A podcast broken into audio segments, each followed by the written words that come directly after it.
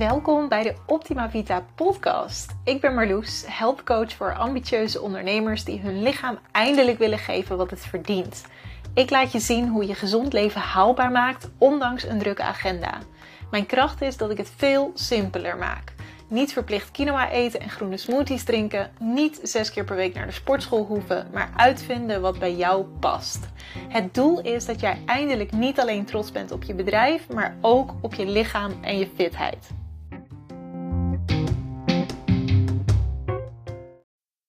Ja, mijn eerste podcast. Ik ben helemaal enthousiast, want dit zat al zo lang in mijn hoofd dat ik dit wilde gaan doen.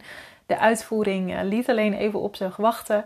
Maar ik ben gewoon begonnen. Het is een random maandagmiddag. En letterlijk vanochtend dacht ik: het, nu is de tijd. Ik ga de podcast starten. Zoals je weet, als je me volgt, heb ik een Instagram-account en een YouTube-kanaal waarop ik relatief actief ben. En ik heb dus echt getwijfeld: van ga ik er ook nog een podcast bij doen? Wordt het dan niet te veel? Maar ik dacht, weet je ik heb zoveel zin om een platform te hebben waar ik me compleet richt op ambitieuze ondernemers. Ik ga daar later nog meer over praten. Maar dit is een doelgroep waar ik een ontzettende passie voor voel. En met deze podcast wil ik jou als ambitieuze ondernemer dus heel veel informatie gaan geven over hoe jij gezond leven blijvend kunt volhouden door het veel simpeler te maken. Om het voor mezelf veel simpeler te maken, wil ik deze uh, podcast gewoon heel ontspannen gaan doen. Ik zit hier met mijn telefoon, met mijn microfoontje. Uh, ik ga niet knippen. Ik ga het lekker low-key houden. Ik ga geen vaste uploadschema's aanhouden. Ik ga niet een vaste tijd aan een podcast stellen die ik moet volpraten. Nee, als ik wat interessants voor je heb, ga ik het gewoon delen. Het leek me heel leuk om in deze eerste podcast mezelf voor te stellen en jou te vertellen hoe Optima Vita eigenlijk is ontstaan en wat mijn geschiedenis is, wat mijn achtergrond is, zodat je wat meer weet over mij. Laat ik gewoon beginnen bij het begin. Ik ben geboren in het ziekenhuis in Alkmaar. Mijn ouders die wonen in een klein, woonden in een klein dorpje in Noord-Holland, Wieringerwaard. En uh, dat is dus waar ik uh, na mijn geboorte in het ziekenhuis heen ben gegaan. En waar ik eigenlijk mijn hele leven heb gewoond tot mijn negentiende. Dat ik ging studeren. Of eigenlijk was ik toen nog net 18. Maar ik woonde dus als klein meisje in Wieringenwaard.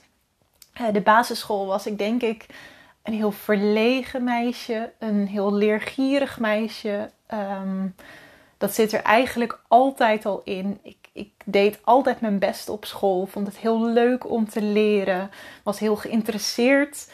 Ehm, maar ik was ook, ja, verlegen, denk ik. En uh, ik vond het uh, spannend om vriendinnetjes te maken. Ik was altijd bezig met: vinden ze mij wel leuk? Ben ik wel goed genoeg? Dat is eigenlijk wel een beetje een thema gebleven in mijn leven. Tot voor ongeveer twee jaar geleden. Maar daar kom ik later op. De middelbare school, ik doe even een beetje fast forward. Middelbare school ging ik in Schagen. Uh, ik uh, deed het VWO met de vakken filosofie en economie erbij. Ik had het uh, pakket natuur en gezondheid, want ik was nogal een beta-meisje.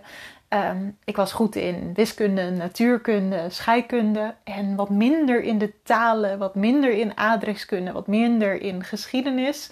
Maar vooral ja, eigenlijk toen al het hele gezondheidsstukje biologie vond ik machtig interessant. En ja, dat, dat lag mij echt heel goed. Um, na het VWO besloot ik, ja, ik had toen ook nog steeds de drang wel om erbij te horen. Um, ik had een vriendinnengroep, maar ik voelde me altijd wel een beetje het buitenbeentje. Dat was denk ik helemaal mijn eigen perceptie daarin. Maar ja, ik, ik, vond het belangrijk om ergens bij te horen. Ik had niet helemaal het gevoel dat ik dat mm, vond op mijn middelbare school. Ik wil even heel eerlijk, sowieso wil ik deze podcast even heel eerlijk insteken. Dus um, ja, ik, ik vertel je ook mijn oprechte gevoel toen als meisje van een jaar of 16, 17.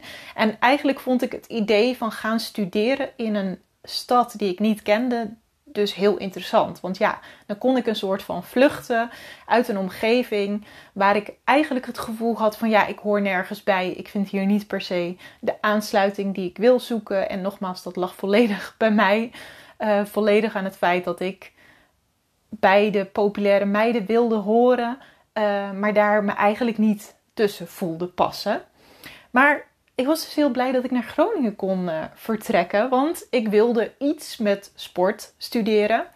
Ik wist dat ik geen uh, universiteit wilde gaan doen, want ik had in mijn hoofd van ja, het is mijn passie om met mensen te werken. Ik vind het heel leuk om met mensen te werken. En naar mijn idee toen lukte dat niet met een universitaire studie, behalve als ik geneeskunde ging studeren en dat trok me niet.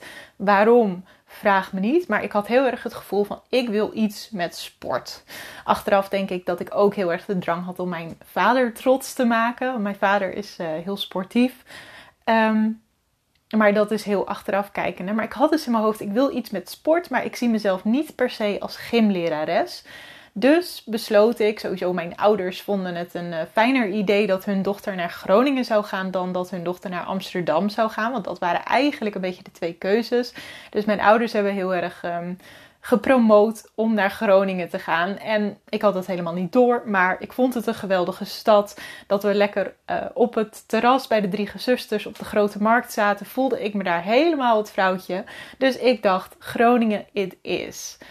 Um, een ander bijkomend voordeel was dat ze daar een, um, opleiding hadden die heel breed was. Het Instituut voor Sportstudies, het Hanse Instituut voor Sportstudies heette dat toen.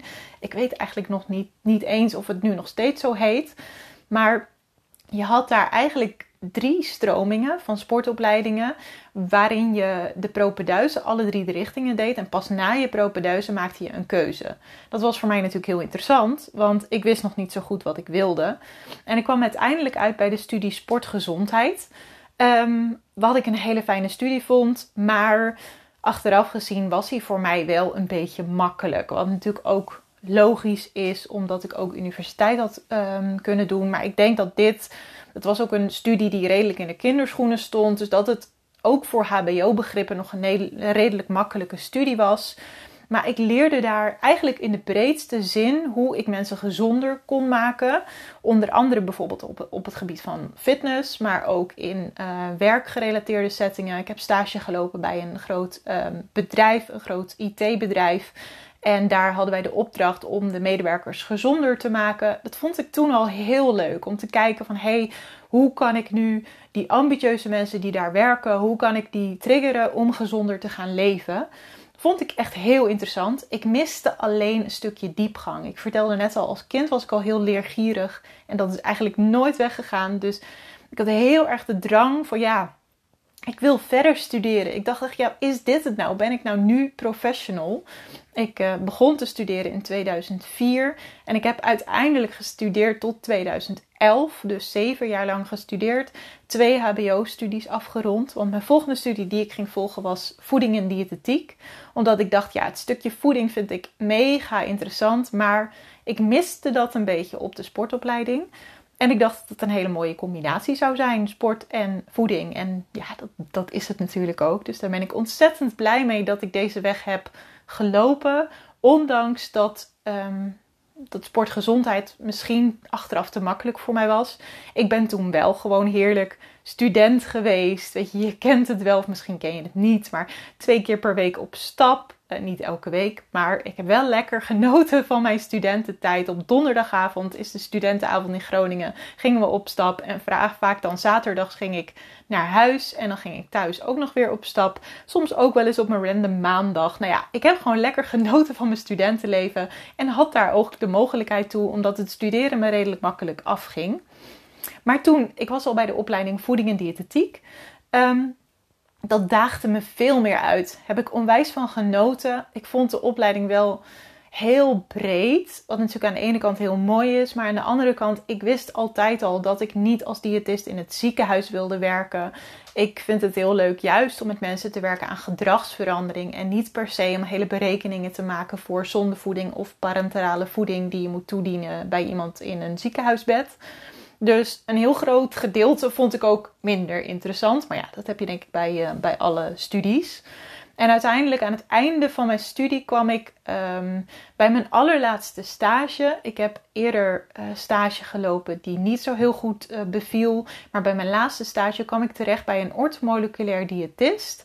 En daar ging echt een wereld voor mij open. Zij dacht natuurlijk sowieso anders dan een um, reguliere diëtist. En ze was ook heel erg bezig met het stukje gedragsverandering. Ze was bezig met hoe ga je nou met iemand om die heel erg de neiging heeft tot bijvoorbeeld emotie eten. En daar kon zij heel goed op coachen. Ze reikte me boeken aan. Ik kon weer lezen. Uh, dus ik was helemaal gelukkig. De stage was ook ver weg. Ik moest elke dag vanuit Groningen naar de trein, of met de trein naar um, Zwolle. En dan vanaf Zwolle met de bus naar Olst en Epe. Um, en ik was dus echt nou ongeveer een uur en een kwartier of anderhalf uur heen en dan weer anderhalf uur terug bezig met reizen naar mijn stage. Vond ik geen enkel probleem, want ik had het geweldig naar mijn zin en ik leerde dus enorm veel. En uh, na mijn stage, ik werkte toen bij uh, een sportschool, Sporttrade in Paterswolde. En daar was ik fitnessinstructrice, want ik had natuurlijk die sportopleiding al afgerond. En ik gaf daar ook groepslessen. En de eigenaar van de sportschool, die wist natuurlijk dat ik voeding en diëtetiek studeerde. En die zei tegen mij van Marloes, ik wil heel graag een diëtist binnen deze sportschool hebben. En als jij het niet gaat doen, dan ga ik iemand anders zoeken. Ik had altijd het idee van ja, ik wil eigenlijk eerst in loondienst werken voordat ik voor mezelf begin. Het was altijd wel een beetje mijn droom om mijn eigen bedrijf te, te hebben. Maar ja, ik vond het toch ook wel heel spannend. Maar toen dacht ik, ja, wat heb ik ook eigenlijk te verliezen? Het enige eigenlijk wat ik nodig heb is een website en ik wilde graag visitekaartjes hebben en nou nog een paar dingetjes. Ik moest me inschrijven bij bepaalde uh, software systemen om natuurlijk mijn cliëntgegevens veilig te kunnen bewaren. Maar zoveel had ik eigenlijk niet nodig. Dus ik dacht, nou, ik kan het altijd proberen en lukt het niet, dan kan ik altijd nog in loondienst gaan. En zo geschiedde. Ik um, ging naar de Kamer van Koophandel. Ik had heel lang nagedacht over wat voor naam moet mijn bedrijf dan krijgen. En bij heel veel diëtistenpraktijken ging het rond het woordje gezond of bijvoorbeeld balans of um, voeding. Of ik, ik had altijd in mijn hoofd van nee, dat is niet wat ik wil. Het draait bij mij niet om zo gezond mogelijk eten, want ik geloof daar niet in. Toen al niet en nu nog steeds niet. Ik geloof niet dat je gelukkig wordt van alleen maar gezond eten. Sommige mensen wel, laat ik niet al iedereen over één kam scheren. Maar ik zelf ben echt een Bourgondier. Ik hou ook echt van lekkere, minder voedzame dingen. En die wil ik in mijn leven kunnen houden. Dus ik dacht, oké, gezond is het niet, balans is het niet. Want ja, je mag ook gewoon wel eens een keer keihard uit balans zijn. Dat is ook helemaal niet erg. Uh, maar wat dan wel? En toen kwam ik op, ja, ik wil dat mensen optimaal gaan leven. En optimaal leven is voor iedereen, betekent dat iets anders. Voor de een is dat wel 100% gezond, voor de ander is het 80% gezond, voor de volgende is het 60% gezond. Maar het is allemaal oké. En ik wil mensen leren hun eigen optimale leven te uh, krijgen, te vinden. Dat ze voor altijd kunnen volhouden. En nou ja, optimaal leven in het Latijn, vrij vertaald optima vita, de naam was geboren. Ik um, had ook wat geld van mijn opa en oma. Want mijn opa en oma hebben vanaf mijn geboorte elke maand een klein bedrag, volgens mij 5 gulden of misschien 10 gulden, op mijn spaarrekening gezet. Elke maand kregen we dat. Nou wij kregen het dus niet, maar het ging op een spaarrekening. En vanaf mijn 18e kreeg ik toegang tot die spaarrekening, waar toen nou, niet een, een heel groot bedrag, maar toch voor mij toen eh, net genoeg om een bedrijf op te starten, stond op die rekening. En ik had vanaf mijn achttiende nooit dat bedrag aangeraakt. Volgens mij was ik op dit moment, ja, het was toen 2011, dus ik was 25. Ik zou dat jaar 26 worden.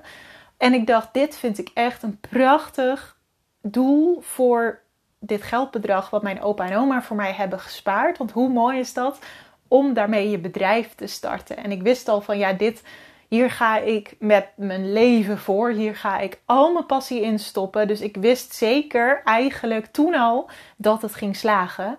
En ik dacht, ja, dit vind ik een heel mooi um, doel een heel mooi punt om mijn geld aan te spenderen. Ik kwam even niet op het woord, maar ik zei al, ik ga niet knippen. Dus ik vind het gewoon even prima als ik niet, uh, niet altijd uit mijn woorden kom. Um, en zo geschieden. Optima Vita was uh, gestart.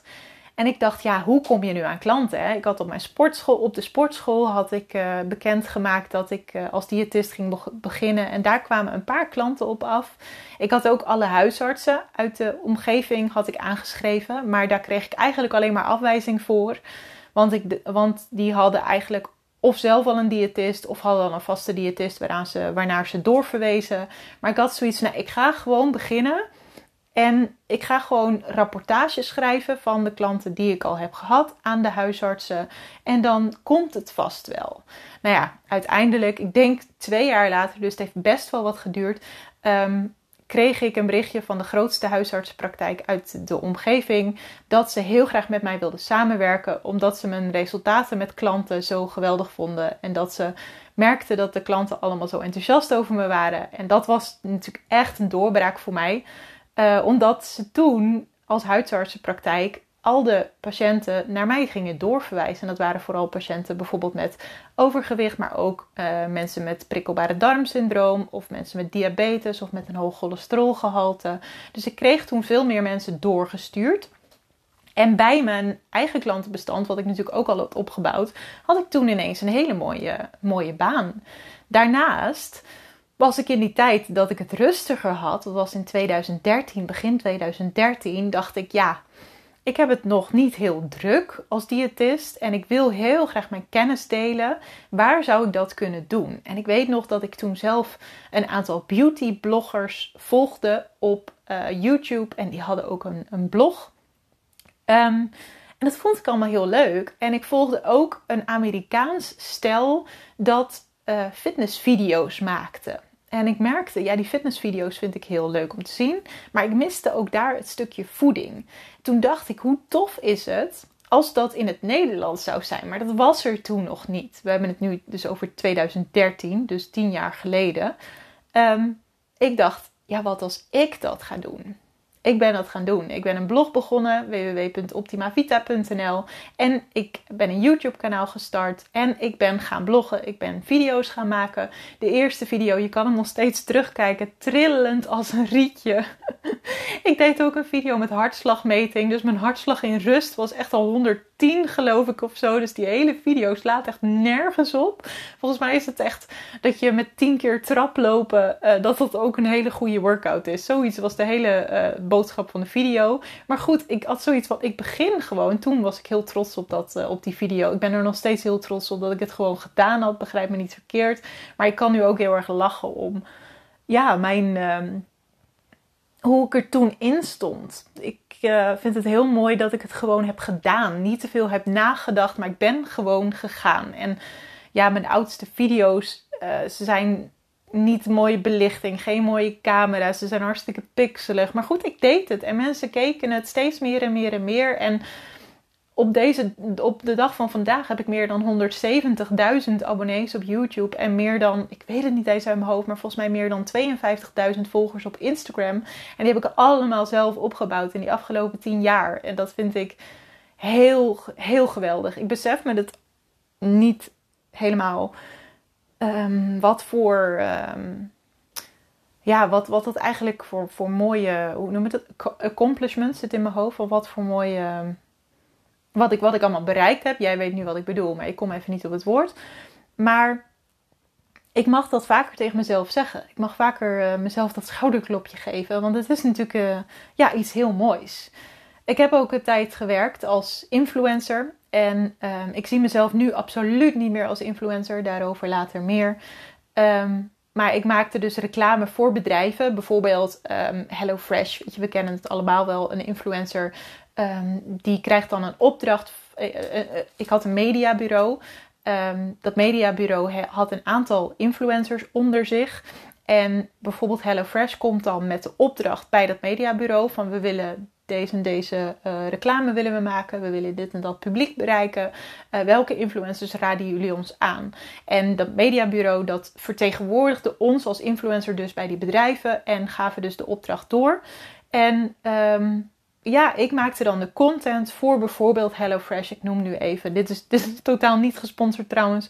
Ehm, maar ik maakte dan de content en dan spreek je helemaal met elkaar af van oké, wat wil HelloFresh dat ik um, publiceer, wat ik maak en, en wat uh, past dat binnen mijn normen en waarden als influencer? Ik ben er altijd heel streng in geweest, want ik heb altijd zoiets gehad van ja, ik vind het heel belangrijk dat ik met een recht oog mijn volgers kan aankijken en dat ik geen dingen ga, verkopen waar ik niet zelf 100% achter sta.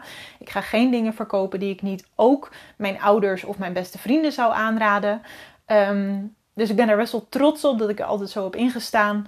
Maar ik maakte dus uh, op die manier reclame. Um, als je, ik, had, ik heb ook nog steeds trouwens een contract met Google. Uh, YouTube is van Google. En als jij heel veel views hebt, heel veel um, kijkers hebt op je YouTube-account en er worden heel veel minuten naar jouw video's gekeken, dan kan je daarmee verdienen. En doordat ik zo'n grote database aan abonnees en, en kijkers had opgebouwd, kon ik daar dus uh, ook leuk aan verdienen. Dus dat was ook een groot deel van mijn inkomen. Eigenlijk zat daar op een gegeven moment meer inkomen in dan in mijn werk als diëtist. Wat natuurlijk best wel krom ook is, want als diëtist werkte ik onder de zorgverzekeringen. En de zorgverzekering bepaalde gewoon wat mijn inkomen was, wat ik per uur mocht vragen. En op een gegeven moment ben ik ook de opleiding voor sportdiëtist gaan doen. Want ja, ik was heel leergierig. Ik heb uh, opleiding voor mindful eten gedaan. Ik heb bijvoorbeeld uh, opleidingen voor diabetes gedaan, voor prikkelbare darmsyndroom. Nou, je kan het zo gek niet benoemen. Uiteindelijk emotie eten heb ik opleiding voor gedaan. Um, maar dat maakt voor een zorgverzekeraar niet uit. Weet je, alle diëtisten krijgen gewoon hetzelfde betaald. En daar had ik op een gegeven moment best wel moeite mee. Ook omdat ik gigantisch veel klanten natuurlijk had. Wat heel logisch is. Want als diëtist en ook bijvoorbeeld als fysiotherapeut of als nou, andere zorgprofessionals zie jij ieder half uur of soms een andere tijd. Maar dat maakt in dit verhaal even niet uit. Ieder half uur zag ik een nieuwe cliënt. En dat soms vier dagen in de week uh, de hele dag door. En ik had dus letterlijk een stuk of honderd, misschien wel meer cliënten tegelijk. Niet tegelijk bij mij in de praktijk, maar je snapt wat ik bedoel. Elk half uur iemand anders. En ik merkte dat ik soms zelfs even moest checken van... oh ja, had deze mevrouw nou ook alweer een uh, hoog cholesterol gehad of had ze nou diabetes? En dat voelde voor mij zo niet goed. Um, daarnaast had ik heel veel ambities. Heel veel... Uh, drive om, om mezelf bij te scholen, bij te leren. Maar er was gewoon weinig tijd. En je moest ook nog, wat ik heel goed vind, uh, punten halen voor het kwaliteitsregister om geregistreerd te mogen blijven in het kwaliteitsregister voor paramedici. Uh, maar die opleidingen die daar aangeboden hadden, de, degene die ik interessant vond, had ik allemaal al gedaan. En natuurlijk was er hier en daar nog wel interessanter, maar ik had zoiets, ja, er zijn zoveel uh, opleidingen of cursussen die niet uh, um, punten opleveren volgens dit systeem, maar die mij wel ontzettend interessant lijken. Maar daar had ik dus gewoon geen tijd meer voor over. Toen, nu komt even een heel privé stukje, was het onder andere 2020. Uh, ik was dus um, negen jaar ondernemer met heel veel geluk en heel veel liefde en heel veel hard werk. En toen, um, ik denk eind 2019, denk ik, besloten mijn man en ik dat we voor een kindje wilden gaan. En uh, ik denk dat het. Ik ben een beetje de, de, de lijn kwijt, maar ik denk dat het rond juni 2020 was dat ik erachter kwam dat ik zwanger was. Natuurlijk heel blij. En um, alleen op de eerste echo zeiden ze van ja, het hartje klopt, maar niet van harte. Dus het kan eigenlijk twee dingen betekenen. Of um, het is nog opstartende, weet je, je bent nog vroeger in je zwangerschap dan dat je denkt. Of het gaat het niet halen.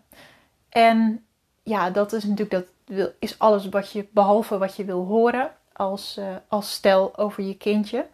En um, wij moesten toen afwachten tot de volgende echo. En ik geloof een week of vier later hadden we de volgende echo. Waar we met trillende benen heen gingen natuurlijk. En toen bleek dat het inderdaad mis was gegaan. Ik had een miskraam gehad. En toen was dus de vraag van ja, wat wil je? Um, wil je wachten totdat het natuurlijk um, wordt afgescheiden door je lichaam? Of wil je ehm, een curatage of wil je uh, medicatie? Ik hou het even heel. Ik heb er een hele video over gemaakt. Als je dit interessant vindt, typ even Miskraam Optima Vita in op YouTube. En je vindt een hele lange video, maar ik probeer het hier even kort te houden. Uiteindelijk heb ik gekozen voor medicatie, maar dat werkte niet genoeg. Ik heb tot twee keer toe medicatie gehad en het werd een heel lang traject. En uiteindelijk pas in oktober 2020 was ik volledig schoon, zoals ze dat noemden. En dat was natuurlijk een, een heel pittig traject. Um, waarin wij als stel wel heel erg naar elkaar toe zijn gegroeid. We hebben het een heel mooi plekje kunnen geven. Maar ik had toen wel zoiets van: ja, ik zie nu extra in hoe belangrijk het is om, om tijd te hebben voor elkaar. Maar ook straks voor mocht ik wel nog een keer zwanger worden. En ik wilde veel meer tijd stoppen in persoonlijke ontwikkeling, persoonlijke groei. Ik wilde eindelijk eens af van dat idee om erbij te willen horen. Ehm, ik wilde me sterker voelen als persoon. En daar ben ik toen aan gaan werken. Ik heb een geweldige coach in uh, armen genomen. Het was een uh, gigantisch bedrag voor mij toen om te investeren in coaching. Maar ik heb het gedaan en ik heb er echt geen seconde spijt van gehad. Ik heb met haar onder andere EMDR gedaan. Dat is een uh, traumaverwerking. Overigens niet voor het stukje miskraam. Ehm, maar uh, voor andere dingen waarvan ik me totaal niet bewust was dat het überhaupt een trauma was. Ik dacht echt niet dat ik, dat ik trauma's had.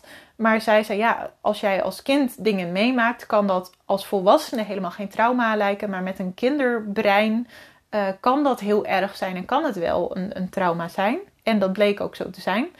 Uh, ik kan het iedereen aanraden. Weet je, twijfel je om, om persoonlijke coaching te doen, ga het doen. Want het is zo verrijkend op je leven. Toen, begin 2021, kwam ik erachter dat ik weer zwanger was. Um, en toen had ik zoiets van: ja, ik, um, moet, dit moet anders. Ik wil meer tijd hebben voor mezelf. Ik wil minder werken, maar ik wil meer vervulling uit mijn werk halen. Ik was echt 101 dingen tegelijk aan het doen. Ik had mijn blog, ik had mijn Instagram-account, ik had mijn YouTube-kanaal, ik had mijn klanten. Um, ik werkte nog als groepslesinstructeur in de fitness. En ik deed natuurlijk ook mijn eigen administratie en alles wat erbij hoort. Echt mijn agenda zat aan het begin van de week al ramvol en het was alleen maar produceren, produceren, produceren. Ik werkte dus ook nog, ik maakte ook nog content voor die, uh, voor die andere bedrijven. Dus ja, het zat gewoon echt ram, ram vol. En ik dacht, dit wil ik niet meer. Dus ik heb besloten, ik ga afbouwen met klanten. Ik ga vanaf het begin van mijn zwangerschap heb ik geen enkele cliënt meer aangenomen, want ik dacht, ik wil mijn eigen trajecten maken. Ik wil niet meer voor zorgverzekeraars werken, omdat die me voor mijn gevoel zo beperkten. Maar ik wil die mensen helpen wie ik het allerbeste kan helpen. Ik wil weinig klanten hebben, zodat ik er echt voor elke klant 100% kan zijn. En me nooit meer hoef af te vragen of ze nou diabetes hadden of een hoog cholesterolgehalte. En ik wil een groot verschil maken. Sommige klanten van mij waren al jaren bij mij, maar ik kon ze niet bereiken op een manier wat ik ze wilde bereiken, omdat ik ze maar één keer in de zes weken zag. En dat is gewoon onvoldoende om echt die diepgang in te kunnen gaan. Bovendien hadden we maar een kwartier of een half uur per sessie. Ja, het waren kleine stapjes die we maakten, maar geen transformaties. Ik wilde transformaties maken. Verder heb ik toen besloten, ik ga niet meer werken als influencer. Dus ik ga geen enkele opdracht van een bedrijf aannemen dat anders is dan mijn eigen bedrijf. Dus ik ga volledig voor mijn eigen aanbod staan. Wat natuurlijk een ontzettend ehm, moeilijke, spannende keuze was. Want heel eerlijk, uh, zo'n opdracht voor een groot bedrijf als bijvoorbeeld HelloFresh leverde me een paar duizend euro op met een, een aantal posts. Dus hoeveel werk ik er uiteindelijk in hoefde te steken, het verdiende gewoon echt heel lekker. Dus om dat op te geven was financieel een grote inbreuk. Maar het voelde voor mij gewoon zo niet meer goed om reclame te maken voor iemand anders. Terwijl ik zelf zoveel te leveren had, zoveel te brengen had. En ik wilde niet alleen uh, er 100% zijn voor mijn klanten, maar ook voor mijn eigen vervulling gaan, voor mijn eigen droom gaan. En dat kostte me dus ontzettend veel ballen, om het maar even zo plat te noemen. Maar het is echt de beste beslissing die ik ooit heb gemaakt. Ik ben dus gaan kijken wie kan ik het allermeeste waarde leveren? Wie kan ik het beste helpen? En ik ben gekomen op ambitieuze mensen. Dus onder andere ondernemers die gewend zijn aan zelfontwikkeling, die ambitieus zijn, die leergierig zijn, met wie ik dus heel goed kan levelen. Want ik snap die leergierigheid, ik snap die passie, ik snap die liefde voor wat je doet. En ik snap dat je veel eisend bent en dat je af en toe afgeremd moet worden. Dat je meer wil dan alleen maar kennis. Ik snap dat je de diepte in wil gaan, dat je wil begrijpen hoe je jezelf kunt sturen, hoe je jezelf kunt afremmen en, en kunt aanmoedigen op de juiste manieren. En, en dat is dus nu wat ik doe in mijn trajecten. Ik ehm, pak het stukje gezond leven of het onderwerp gezond leven van heel veel kanten aan en ik kijk wat het meest ehm, het belangrijkste is om bij één specifiek persoon aan te gaan passen. Waar echt de belangrijkste veranderingen liggen. En dan heb ik het bijvoorbeeld op gebied van voeding, of het gebied van bewegen of sporten, of stress of slaap, of werkdruk, of omgaan met je gezin, omgaan met je vrienden. Dus ik heb het ook over eigenlijk randzaken die te maken hebben met gezond leven, maar die in eerste instantie waar je niet per se aan denkt als, je, als we het hebben over gezond leven. Dus mijn trajecten nu gaan zoveel verder dan alleen maar kennis. Want ik weet dat mijn ideale klant weet gerust wel dat spinazie gezonder is dan een sausijzenbroodje. Maar ja, soms is het dat sausijzenbroodje nou eenmaal makkelijker, efficiënter en lekkerder. En heb je geen zin in spinazie. Ik noem even deze twee random voorbeelden nu, maar je kan er natuurlijk elk product uh, wat je maar lekker vindt voor in de plaats zetten. Dus hoe kies je nou voor die spinazie in plaats van voor dat sausijzenbroodje? Hoe zorg je ervoor uh, dat je vaak keuzes maakt die dienend zijn voor je lichaam, maar dat je ook kunt accepteren dat je af en toe lekker een sausijzenbroodje eet en daar 100% van kan genieten zonder je schuldig te voelen. En ik merk dat de ondernemers die ik nu begeleid, dat die zich um, veel fijner voelen in hun lichaam, maar ook veel trotser zijn op hun lichaam. Niet per se omdat ze nou zoveel zijn afgevallen. Dat is een, een, altijd een bijkomend iets, nooit een doel op zich. Daarover in latere podcasts veel meer. Maar dat ze gezonder gaan leven uit liefde voor hun lichaam. En wat veel ondernemers en, en mensen in het algemeen doen, is gezond gaan leven uit haat voor hun lichaam. Ze voelen zich dik en vatzig en gaan daarom gezond leven. Ze vinden dat ze meer moeten sporten. Ze vinden dat ze meer moeten, gezond moeten eten. Ze doen vaak um, crashdiëten, sapkuren om maar zo snel mogelijk zoveel mogelijk af te vallen. Maar dat heeft niks te maken met goed voor je lichaam zorgen. Dat heeft niks te maken met zelfliefde. Niemand is ooit uh, heeft, heeft meer liefde naar zichzelf gevoeld door een sapkuur te gaan volgen. Ja, misschien in de eerste twee dagen, maar daarna merk je dat het niet voor op lange termijn effect geeft. En zal het je alleen maar weer een teleurstelling geven en begin je weer aan een nieuwe visueuze cirkel. Dus ik zorg ervoor dat je blijvend gezonder leeft uit liefde voor je lichaam door het veel simpeler te maken. Ik ga kijken naar de kern van het probleem en we maken een plan zodat jij ook weet wat je moet doen als het even misgaat. En ik eh, behandel, wilde ik zeggen. Ik begeleid maximaal 10 klanten tegelijk. Dus het is echt een exclusief traject. Ik sta het hele traject naast je. Ik weet waar je mee bezig bent. Ik weet wie jij bent. Ik zie je. En ik zeg altijd: ik ben je steun, je toeverlaat, maar ook je grootste cheerleader. En je kunt me altijd bereiken als je dat, ehm, als je dat even nodig hebt. Maar nu ga ik al veel meer de diepte in over mijn traject. Ik ben er zo enthousiast over, jongens. Maar dat had ik eigenlijk gepland uh, voor volgende podcast. Dus daar hoor je later zeker meer over. Heb jij uh, vragen op dit moment? Um, stuur me dan gerust een DM. Ik vind het heel leuk om van je te horen, zodat ik ook weet wie mijn podcast luisteren. Want dat blijf ik wel heel leuk vinden aan uh, social media. Gewoon de, de mogelijkheid om contact te hebben met jullie. Want dit voelt altijd een beetje als eenrichtingsverkeer.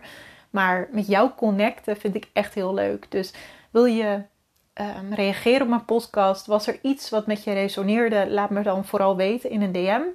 Ehm, je mag me ook een uh, um, berichtje sturen op LinkedIn. Daar ben ik te, te vinden onder mijn naam, Marloes Korver.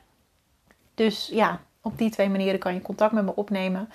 Heb je interesse in informatie over mijn traject, dan ga ik daar met alle liefde vrijblijvend met je over in gesprek. Dan kun je me ook uh, in een berichtje mededelen of je kan een um, call aanvragen via mijn website optimavita.nl. Voor nu wil ik je heel erg bedanken voor het luisteren. Ik heb heel veel zin om um, podcasts te gaan opnemen. Ik heb nog geen idee, heel eerlijk, hoe het er gaan uitzien. Maar ik heb er in ieder geval heel veel, uh, heel veel zin in. Dank je wel voor je aandacht, voor het luisteren. En heel graag tot snel. Ik wens je een hele fijne dag.